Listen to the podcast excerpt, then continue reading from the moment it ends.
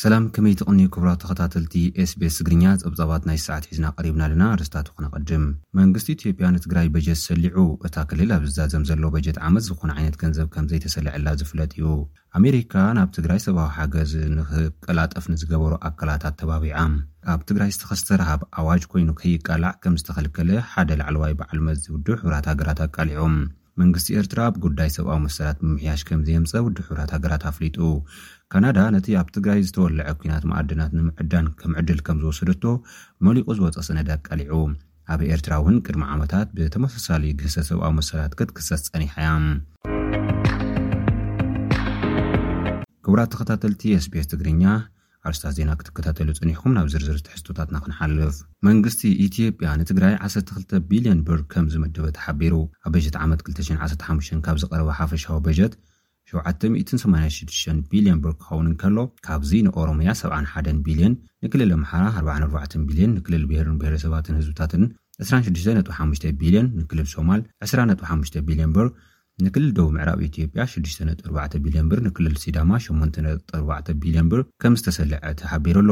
ን ክልተ ሽሕን ዓሰርተ ሓሙሽተን ካብ ዝቐረበ ሓፈሻዊ በጀት ክልተ ሚእትን ሰላሳን ኣርባዕተ ነጥቢ ኣርባዕተ ቢልዮን ብር ዝተጻረየ ቅርሺ ጉድለት ከም ዘለዎን እዚ ጉድለት በጀት ካብ ሓፈሻዊ ምህርቲ ውሽጢ ዓዲ ሰለስተ ነጥቢ ኣርባዕተ ሚእታዊት ከም ዝሽፍንን ኣይተ ኣሕመድ ሽዴ ተዛሪቦም ኣለው።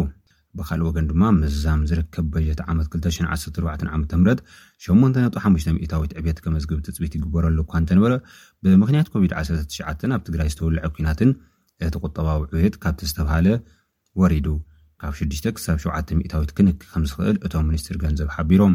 ትግራይ ኣብ ከተ ሽን ዓሰርተ ሰለስተን ዓመተ ምህረት ዝተሰለዐላ በጀት ከምዘየለ ዝፍለጥ ኮይኑ እዚ ናይ ሎሚ በጀት እውን ብኸመይ ከምዝፍፀም ኣይተነፀረን ዘሎ። ኢትዮጵያ ኣብ ትግራይ ዝተኸስተ ረሃብ ብኣዋጅ ከይቀላዕ ከምዝኸልከለት ሓላፊ ሰብኣዊ ረድኤት ውድብ ሕቡራት ሃገራት ተዛሪቦም። ሓላፊ ሰብኣዊ ረድኤት እቲ ውድብ ዝነበሩ ማርክ ሎውኮክ ንጉዳይ ረሃብ ዝምልከት ስርዓት ናይቲ ውድብ ብኢትዮጵያ ከም ዝተጥሓሰን ከም ዝተጨወየን ሓቢሮም።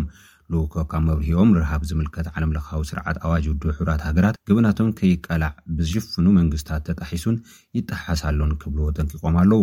ተጋሩ ብጥሜት ኢዶም ክህቡ ብዝብል መንግስታት ኢትዮጵያን ኤርትራን ኮነ ኢሎም ብመድሓኒትን መግብን ናብ ትግራይ ከይኣቱ ብምኽልካል ክኽሰሱ ከምዝጸንሑ ዝፍለጥ እዩ። ብስንኪ'ዚ ከኣ ኣሽሓት ሰባት ጠምዮም ክሳቐዩ እንከለው መንግስቲ ኢትዮጵያ ግና ንጥሜት ኣመልኪቱ ክወጽእ ዝግብኦ ኣዋጅ ረሃብ ኣብ ትግራይ ከይወጽእ ብሓያል ልመናን ምእማንን ከምዘትረፎ እዮም ገሊጾም ዘለው።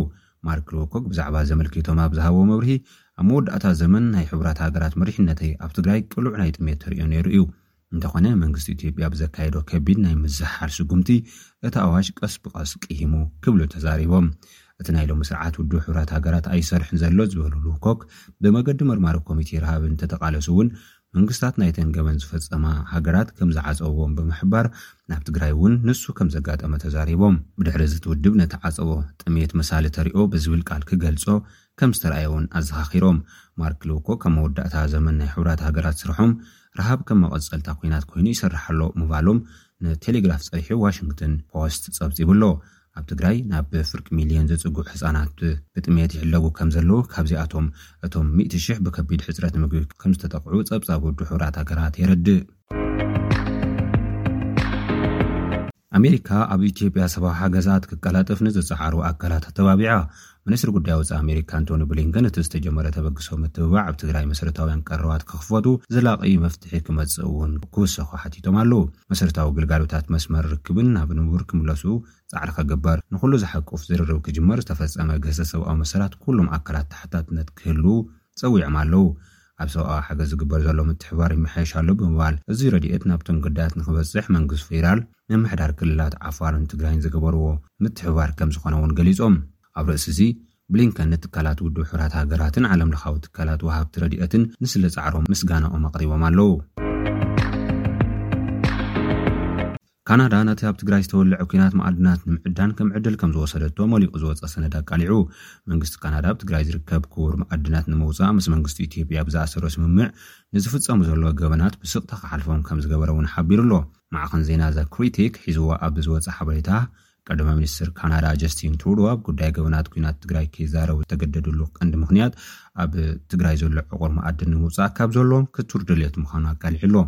ኣብ ትግራይ ዘሎ ወርቅን ካልእ ተዛማዲ ማዕድንን ንልሳን ቀዳማይ ሚኒስትር ካናዳ ጀስቲን ትሩዶ ክዓጽው ምግዳዱ፣ ጀስቲን ምስታ ሃገሮም ካናዳ ንዲሞክራሲ፣ ሰላምን ምርግጋእን ዓለም ትተግህ ምዃና ክገልጽዎ ዝጸንሑ መርገጺ ኣዝዩ ዝጋራጮ ምዃኑ እዩ ዘ ክሪቲክ ብትሪ ነቒፍዎ ዘሎ።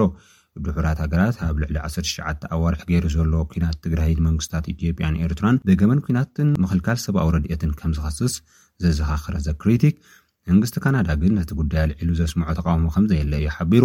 ኣብ ትግራይ ዛጊድ ብቴክኖሎጂ ክዕደን ዝኽእል ልዕሊ ኣርባዕተ ቢልዮን ዶላር ዝግመት ክዙን መኣድን ከምዘሎ ዝሓበረ ኮይኑ፣ መንግስቲ ካናዳ ነዚ መኣድን ንምዕዳን ብውሕዱ ሽዱሽተ ኩባንያታት ኣዳልዩ ምስ መንግስቲ ኢትዮጵያ ስምምዕ እንትትፍጽም፣ ኣሜሪካን እንግሊዝን ብኻልኣይን ሳልሳይን ደረጃ ኣብቲ ዕደና ክዋፈራ ዝተሰለፋ ሃገራት ምዃነን ገሊጹ። ናይ ዓለምና ሰብዓን ሓሙሽተን ሚእታዊት ኣብ ዕድና ዝተዋፈሩ ትካላት ዋና ቤት ፅሕፈቶም ኣብ ካናዳ ከምዝኾነ ዘዘኻኸረ ፀብፃብ ዘ ክሪቲክ፣ ትግራይ ከዓ ንትካላት ዕደና ካናዳ ዕቑር ሃፍቲ መኣድን ዘለዋ ዓዲ ኮይና ከምዝተመርፀት እዩ ሓቢሩ ዘሎ። ከም ውፅኢቲ ከዓ መንግስቲ ካናዳ ኣብ ኢትዮጵያ ለውጢ ስርዓት ምስ መፀ ኣብታ ሃገር ንዝካየድ ዕደና ንምስላጥ ልዕሊ ዓሰርተ ሓሙሽተ ሚልዮን ዶላር ሓገዝ ከምዝሃበ ኣዘኻኺሩ። ዘከይቲ ካብ ጸብጻቡ ሰሊኹ ዝወጸ ዝበሉዎ ሰነድ ጠቒሱ ኣብ ዘርግሖ ሓበሬታ፣ ባህጊ ኩባንያታት ካናዳ ድሕሪ ቅልውላው ትግራይ ኣዝዩ ከም ዝወሰኸን ኣብ ትግራይ ንምዕዳን ምሽብሻባት ከም ዝተገብረን እዩ። ካናዳ፣ ኣብ ኤርትራ እውን ናብ ዕደና ንዝተዋፈሩ ኤርትራውያን ባርነት ዝመስል ህይወት ንኸሕልፉ ምስ መንግስቲ ኤርትራ ሰሪሓ ብዝብል ብተሓለቕቲ ሰብኣዊ መሰላት ክትክሰስ ከም ዝጸንሐት ዝፍለጥ እዩ። ኣብቲ እዋን ልዕሊ ሓደ ሽሕ ኣብ ሃገራዊ ኣገልግሎት ዝነበሩ ኤርትራውያን ብኩባንያ ካናዳ ዝኾነ ንኤፕሰን ኣብ ዕደና ወርቂ ብሻ ኣብ ሰሙን ሽዱሽተ መዓልቲ ኣብ መዓልቲ ዓሰርተ ክልተ ሰዓታት ክሰርሑ ከም ዝተገደዱ መውቃዕትን ጸርፍን ዝርከቦም ግህሰት ሰብኣዊ መሰላት ከም ዝተፈጸሞም ካብ'ቲ ቦታ ዘምለጡ ግዳያት ምሕባሮም ዝፍለጥ'ዩ።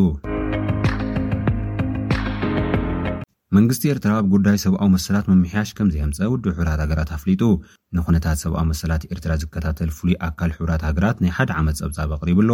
እቲ ዓሰርተ ሸሞንተ ገጽ ዘለዎ ጸብጻብ ካብ ዓሰርተ ሰለስተ ሰነ ክሳብ ሸሞንተ ሓምለ ኣብ ዘሎ ኣኸባ ናይቲ ውድብ ንመድረኽ ክፉት ክኸውን እዩ። ኤርትራ ኣብ ትግራይ ኣትያ ዝፈጸመቶ ገበናት ኩናት ብምድህሳስ ዝጅምር እቲ ጸብጻብ፣ መንግስቲ ኤርትራ ኣብ ምቕናዕ ስርዓተ ሕግን ንዕኡ ዘውሕሳ ትካላትን፣ ኣብ ምምሕያሽ ገደብ ግዜ ወተሃደራዊ ኣገልግሎት፣ ኣብ ምምሕያሽ ናጽነት እምነት፣ ምትእኽኻብ፣ ሓሳብካ ምግላጽን ናጽነት ፕረስን፣ ኣብ ምግታእ ሃይማኖታውን ቀቢላውን ተነጽሎታት፣ ኣብ ምግታእ ዘይሕጋዊ ማእሰርቲ፣ መጭወይትን ምስዋርን፣ ከምኡ'ውን ኣብ ምሕያል ዝምድናታት ምስ ኣህጉራውያንን ዞባውያንን ኣካላት ንጉዳይ ሰብኣዊ መሰላት ኣመልኪቱ መንግስቲ ኤርትራ ዘመሓየሾ ነገር ከምዘየለ እዩ ኣረዲኡ ዘሎ። መንግስቲ ኤርትራ ብዞም ዝተጠቕሱ ጉዳያት ምምሕያሽ ከምጽእ'ውን ረፖርተር ውድብ ሕቡራት ሃገራት ንመንግስቲ ኤርትራን ንማሕበረሰብ ዓለምን ተማሕጺኑ ኣሎ። ክቡራት ተኸታተልቲ ኤስቢኤስ ትግርኛ ጸብጻባት ናይ ሰዓት እዞም ዝተኸታተልክምዎም ይመስሉ ነይሮም። ኣብ ቀጻሊ ብኻልእ ትሕዝቶ ክንራኸብ ኢና። ክሳብ ስዑ ግን ሰሰናይ ንምነየልኩም። ሰላም። You're with SBS Radio.